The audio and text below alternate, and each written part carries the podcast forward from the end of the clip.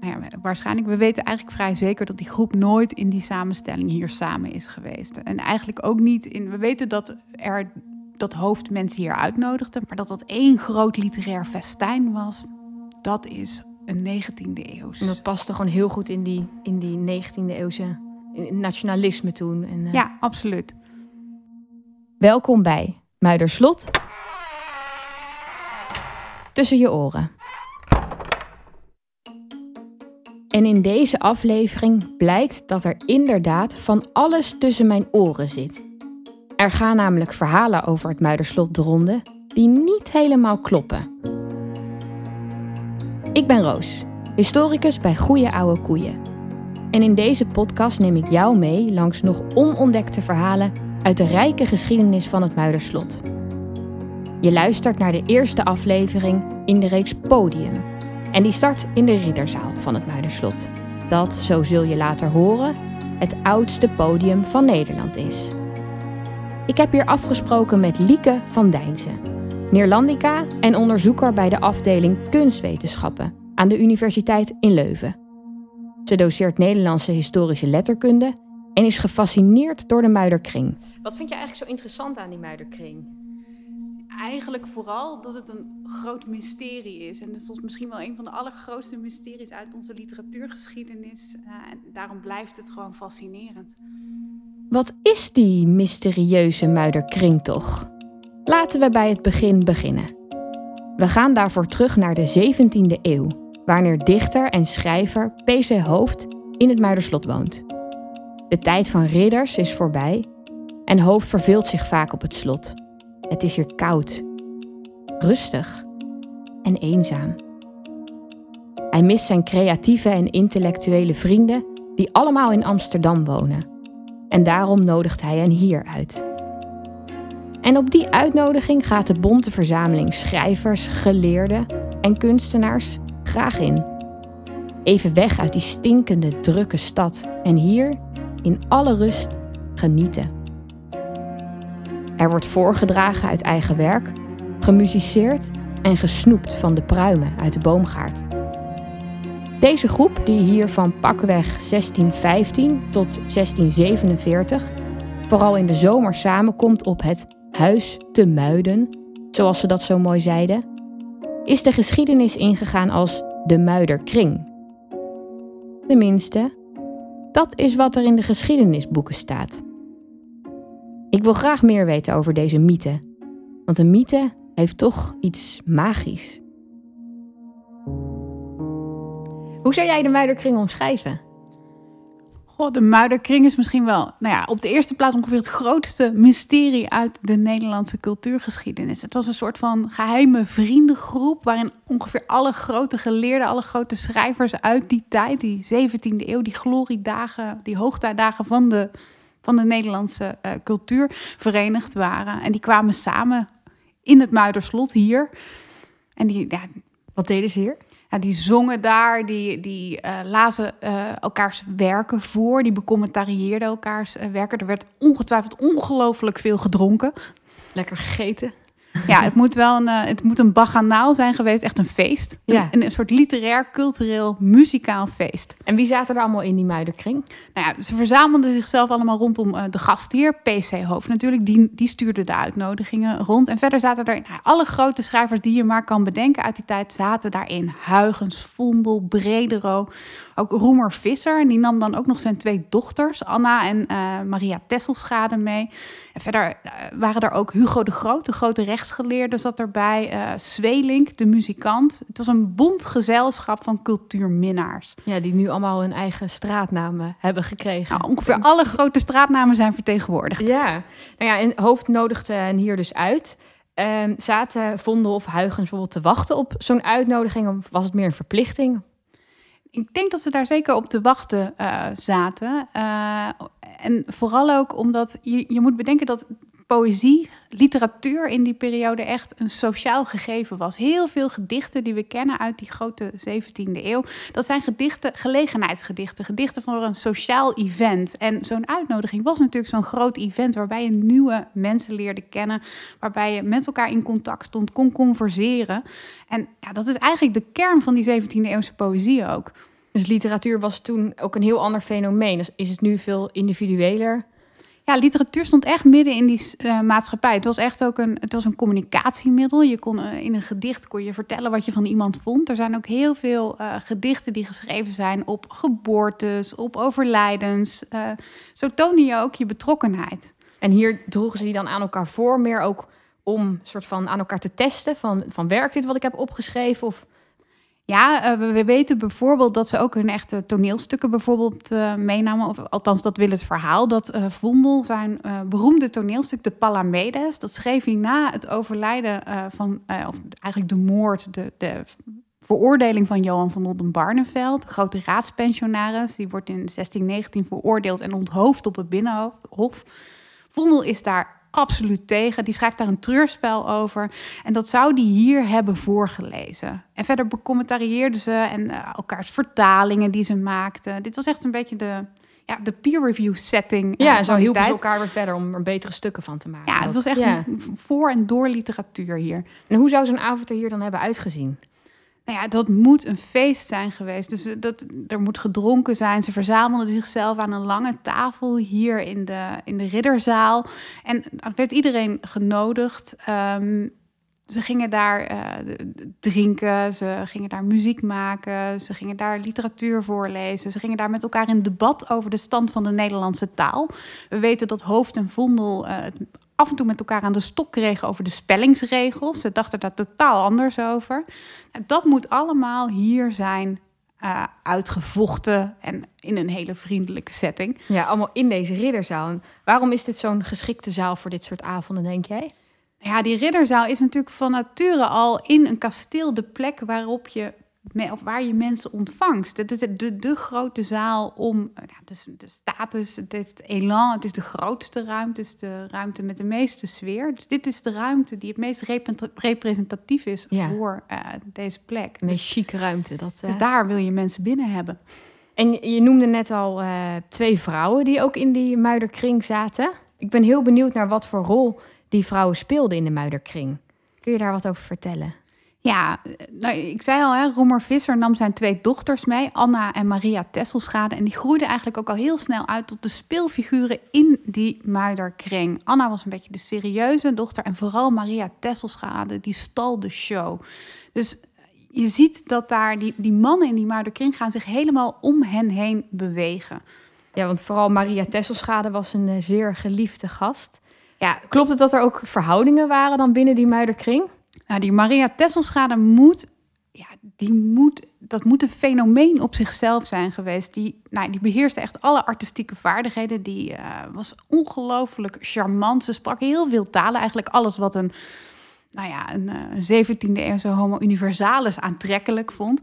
En er werd ook wel heel erg veel geflirt. Uh, we weten dat PC Hoofd zeker gecharmeerd uh, van haar is geweest. En ik, had, ik heb een stukje meegenomen uit een brief die hij haar op een gegeven moment schrijft na een logeerpartijtje. Oeh. En ze is dan haar uh, pantoffels, haar slofjes vergeten. Ja. En Wat schrijft hij daarover? Haar hoofd die schrijft daar: Mejuffrouw, u hebt hier uw muilen gelaten. Dat zijn die pantoffeltjes. Dit is een lelijke vergeetachtigheid. Want het was beter dat u uw voeten vergeten was en wat daaraan vastzit. De vloer, denk ik, heeft u willen houden en u bent haar ontglipt.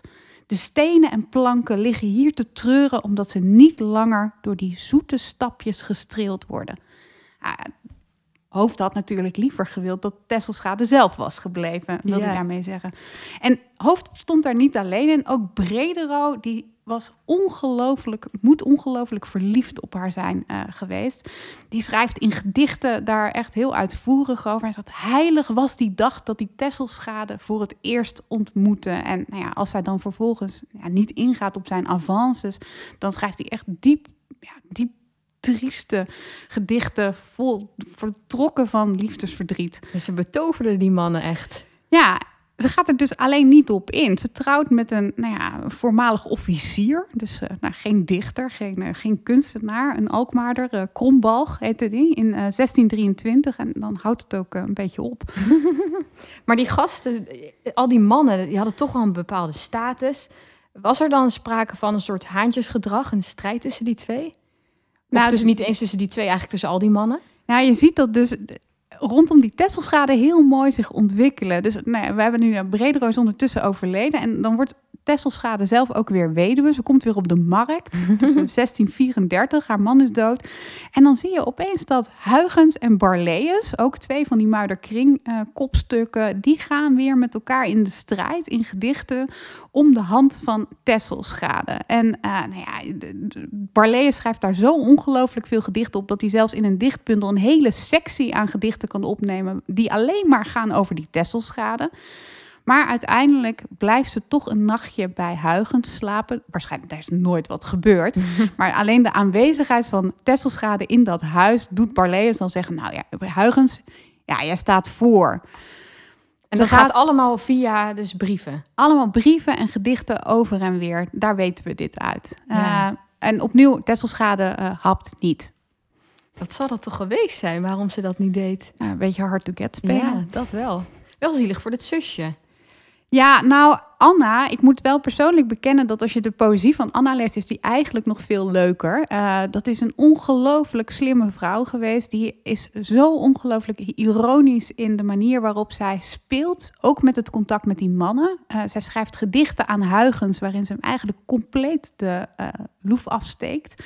En ja, ze doet dat op zo'n ingenieuze manier dat ik eigenlijk iedereen zou willen oproepen om niet alleen naar Tesselschade te kijken, maar vooral ook naar de poëzie van die Anna Roemer-Visser. Want dat is echt magistraal.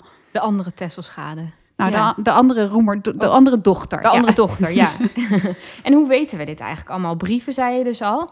Op basis van brieven, op basis van gedichten uit die tijd... kunnen we eigenlijk dat sociale netwerk rondom hoofd heel mooi reconstrueren. En ja, dat sprak ook, dat waren ook de bronnen die uh, uiteindelijk gebruikt zijn door 19e eeuwers... om dat beeld van die muiderkring in leven te brengen eigenlijk. Ik heb hier een boekje van uh, Jacobus Scheltema. Dat was een 19e-eeuwse amateur-historicus.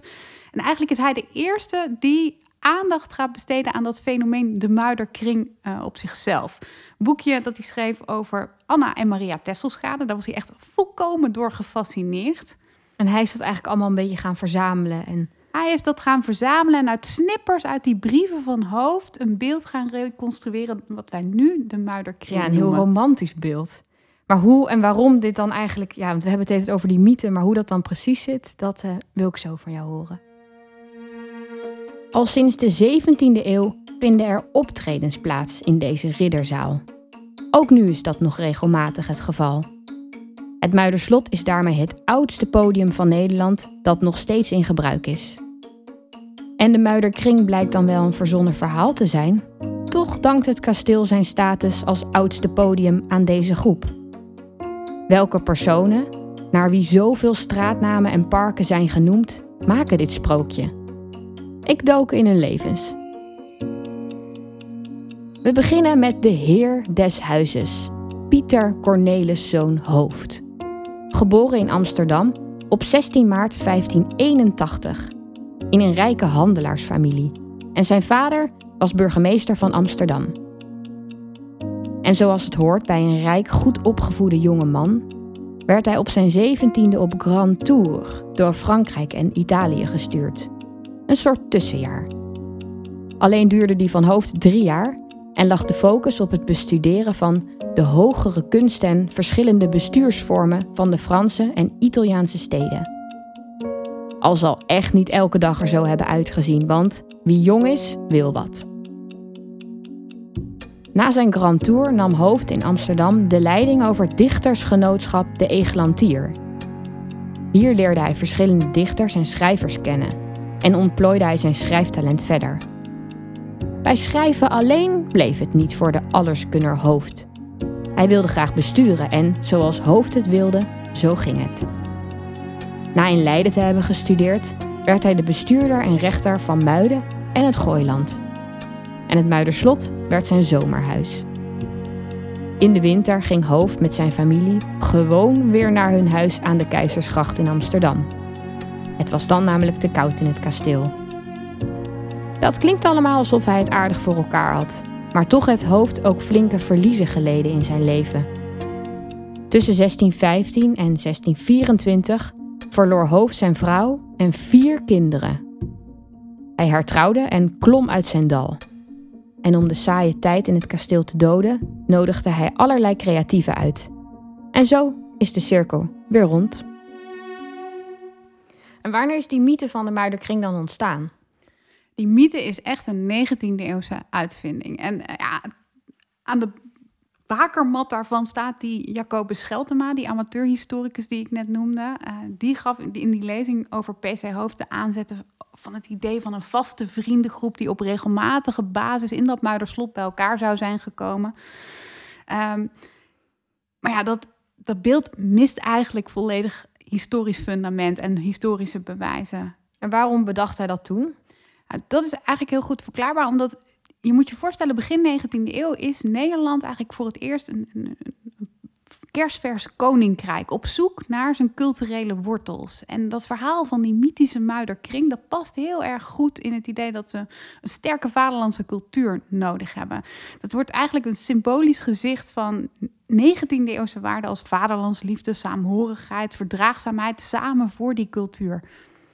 En is die, als ik het goed begrijp, die naam Muiderkring, dus in de 19e eeuw dan pas bedacht. Ja, die kennen we echt niet uit de 17e eeuw. Dus toen die groep hier samenkwam in de 17e eeuw. Nou ja, het is ook nog maar de vraag of die groep hier wel samenkwam. Ja, want, want hoe zit dat dan? Ja, waarschijnlijk is dat dus, nou ja, waarschijnlijk, we weten eigenlijk vrij zeker dat die groep nooit in die samenstelling hier samen is geweest. En eigenlijk ook niet in, we weten dat er dat hoofd mensen hier uitnodigde. Maar dat waren meestal kleine groepjes. We weten dat Vondel hier wel eens is geweest. We weten dat Tesselschade hier kwam logeren. Maar dat dat één groot literair festijn was, dat is een 19e eeuws. En dat paste gewoon heel goed in die, in die 19e eeuwse nationalisme toen. En, uh... Ja, absoluut. En, en, en wanneer kwam men er dan achter dat dat romantische beeld niet klopte? Wat, dat was dus in die 19e eeuw. Ze gaan daar in de 19e eeuw al vraagtekens bij stellen. En dat komt vooral omdat die Muiderkring, dat is een heel dankbaar onderwerp voor historisch schilders om af te gaan beelden. En hier in de Ridderzaal, je wordt hier echt omringd met allemaal 19e eeuwse voorstellingen van die samenkomst van die Muiderkring. En in de loop van de 19e eeuw zie je dat het idee van een idealistische voorstelling van het verleden langzaam plaats maakt voor een realistische voorstelling. Dus het moet allemaal kloppen. Dus wat ga je doen in de 19e eeuw? Als je naar een schilderij kijkt in de tweede helft van de eeuw, dan ga je kijken of alles wel klopt. Nou, dan komen ze er dus echt heel snel achter dat wat daar op dat schilderij te zien is, nooit kan hebben plaatsgevonden. Waarom niet? Nou ja, bijvoorbeeld dit schilderij uh, waar je ziet dat uh, Vos Jan Vos, de dichter, achter Roemer Visser staat. Ja, dat kan nooit hebben plaatsgevonden. Vos was tien jaar oud. Je ziet hier twee mannen van ongeveer dezelfde leeftijd. Maar Jan Vos was tien jaar oud toen Roemer Visser op hoge leeftijd overleed. Nou, daar gaan ze dus hun vraagtekens bij zetten. En pas in de 20e eeuw wordt die, die mythe eigenlijk definitief ontmanteld als een, nou, wat we nu zouden noemen, een invented tradition. Want wat is een invented tradition? Dat zijn eigenlijk ideeën over het verleden, constructies die bedacht zijn om een, om een identiteit aan een cultuur te geven. Um, Heb je daar nog andere voorbeelden van? Nou, misschien het bekendste voorbeeld is misschien wel uh, de Schotse ruit. Daarvan denken we allemaal dat dat afstemt van de, de, de Keltische voorvaderen. Nou, dat is totale onzin. Dat wordt ook begin 19e eeuw in dat opkomend cultuurnationalisme in Europa wordt dat uitgevonden als onderdeel van de Schotse identiteit. we trekken iedereen zo'n kledingstuk aan en dan. Uh... dan zijn we samen. Ja. En, en, en waarom kozen ze eigenlijk dan voor deze groep uh, als vaderlandse helden? Wat maakt die groep mensen zo bijzonder dat zij dan de, de muiderkring mochten vormen? Ik denk sowieso het idee van zo'n muiderkring is volgens mij een onvoorstelbaar mooi beeld. Het is het, nee, je hebt een, in die 19e eeuw was die cultuur in het slop geraakt en je ze zochten naar manieren om die vaderlandse cultuur weer op een hoger plan te tillen. Nou, wat is er aantrekkelijker dan het beeld dat in die 17e eeuw, de hoogtijdagen van de Nederlandse literatuur, ze allemaal samenkwamen, al die grote geesten, om samen zich te storten op de Nederlandse taal en op de Nederlandse literatuur. En ze zagen daarin eigenlijk een soort van voorbeeld, een spiegel voor de eigen tijd. Op die manier kon ook in de 19e eeuw, als we maar dat met z'n allen deden, een nieuwe bloeitijd voor die Nederlandse cultuur aanbreken. Maar we weten eigenlijk dat, dat, dat, uh, dat die Muiderkring helemaal niet klopt, dat dat een mythe is. Toch kennen nog steeds heel veel mensen dat verhaal alsof het echt is. Heel veel mensen die hier bij het Muiderslot komen, die denken echt dat de Muiderkring hier samen is gekomen. En ik vraag me dan af waarom het nog steeds zo in de geschiedenisboeken eigenlijk staat. We houden het eigenlijk in stand. Ja, we houden het in stand en ik denk dat dat komt omdat we gewoon heel erg houden van dit soort mysterieuze verhalen. Het is, het is niet voor niks uitgevonden in die 19e eeuw. Het is ook een heel aantrekkelijk verhaal. Het is een heel leuk verhaal. Dus ja, en is de mythe, denk je, uiteindelijk ook dan de redding geweest van het Muiderslot? Zou het zonder mythe hier nooit meer hebben... Ja, zou het Muiderslot er niet hebben gestaan? Nou ja, Muiderslot stond er natuurlijk al vanaf de middeleeuwen. Maar begin 19e eeuw, precies op dat moment dat die mythe van de Muiderkring in het leven wordt gaan... staat hier een bordje te koop ja. in de tuin. Nou, het Muiderslot staat voor afbraak gereserveerd. En uh, die mythe heeft er inderdaad voor gezorgd dat dat idee van die sloop van de tafel ging. En we kennen ook voorbeelden dat dat niet is gebeurd. Dus bijvoorbeeld Constantijn Huygens, die had een prachtig huis op het Voorhout in uh, Den Haag. Dat huis is in dezelfde periode, iets later in de 19e eeuw, ruksigloos met de grond gelijk gemaakt. Want daar was niet zo, dat was geen plaats van herinnering. Dat Muiderslot wordt echt een plek van herinnering voor de gloriedagen van de Nederlandse cultuur. Zonde dat die er niet meer is. Dat huis, ja, dat moet prachtig zijn geweest. Ja was, dat ook maar zo, was er ook maar zo'n mythe ontstaan. Ja, je, je kunt niet alles hebben. Nee, dat is waar. hey, en in 1954, als ik het goed zeg, is er een moderne muiderkring opgericht. Die nog steeds bestaat en twee keer per jaar bij elkaar komt in de ridderzaal van Muiderslot. Maar op internet vind ik hier zelf heel weinig over. En het komt op mij over als een heel geheimzinnig genootschap. Weet jij daar iets van? Ik weet daar denk ik net zoveel ongeveer van als jij. Het is een ongelooflijk geheimzinnige uh, club. Maar wat ik heb kunnen achterhalen is dat het bestaat uit zeven keer zeven leden. Die worden uitgenodigd, verkozen eigenlijk. Zeven groepen uh, van zeven afdelingen zou je kunnen zeggen, met vertegenwoordigers uit allerlei verschillende uh, disciplines. Je hebt daar dichters bij, je hebt daar literatuurhistorici, uh, maar ook uh, industriële economen, uh, overheidspersonen. Het is, het is, een heel bond gezelschap, een beetje zoals die 17e eeuwse Muiderkring. En die komen twee keer per jaar hier bij elkaar om te discussiëren, interdisciplinair debat te voeren over belangrijke zaken in de cultuur. Wel knap, hoe bijzonder hoe nog steeds dat, dat mythische, dat magische daar ook nog een beetje om, ja, omheen blijft hangen. Ja. Ook weer helemaal niet, van, niet echt van deze tijd of zo. Nou, ja, je zou, het zou misschien, ik denk dat dat mythische, dat blijft wel een beetje aantrekken. Dus dat zou misschien niet verloren gaan. Maar wat er natuurlijk wel heel erg fascinerend aan is, is dat het ook nu nog, net zoals in die 17e eeuw, een groep mensen is die bij elkaar komt om elkaar te inspireren, om elkaar te prikkelen, om vanuit verschillende disciplines en achtergronden met elkaar in debat te gaan. En ja, dat vind ik wel heel erg mooi. Ja, ik zou er wel stiekem een keertje willen mee uh, gluren. Ja, jij? moeten we dat eens regelen. Kunnen we dat in gang zetten, ja. En stel, jij mag je eigen meiderkring samenstellen. Wie zou er daar dan in zitten? Ja, dat is een moeilijke vraag, want uiteindelijk, eigenlijk wat je wil in zo'n meiderkring, denk ik, is dat je verrast wordt door een ander perspectief door iemand die net anders denkt dan jij. Dus echt mensen aanwijzen zou ik niet durven doen. Maar ik zou wel een heel groot voorstander zijn voor zo'n interdisciplinair debat. Laten we maar gewoon met z'n allen bij elkaar gaan zitten en praten over van alles en elkaar uitdagen. Nou, zo eindigen we toch nog eh, een beetje mysterieus. Ja, altijd alles voor het mysterie. Dankjewel. Dit was Muiderslot tussen je oren. Een podcast van Rijksmuseum Muiderslot. Geproduceerd door Goeie Oude Koeien en mede mogelijk gemaakt door het Fonds voor Cultuurparticipatie. De soundscapes zijn gemaakt door Thomas Hoonhout. Hij verzorgde ook de montage. Je luisterde naar een aflevering uit de reeks Podium. We maken ook een reeks over kasteel en collectie, een reeks over water en eentje over de kasteeltuinen. Alle afleveringen zijn vanaf najaar 2021 te beluisteren via je favoriete podcast-app. Leuk dat je luisterde en tot de volgende!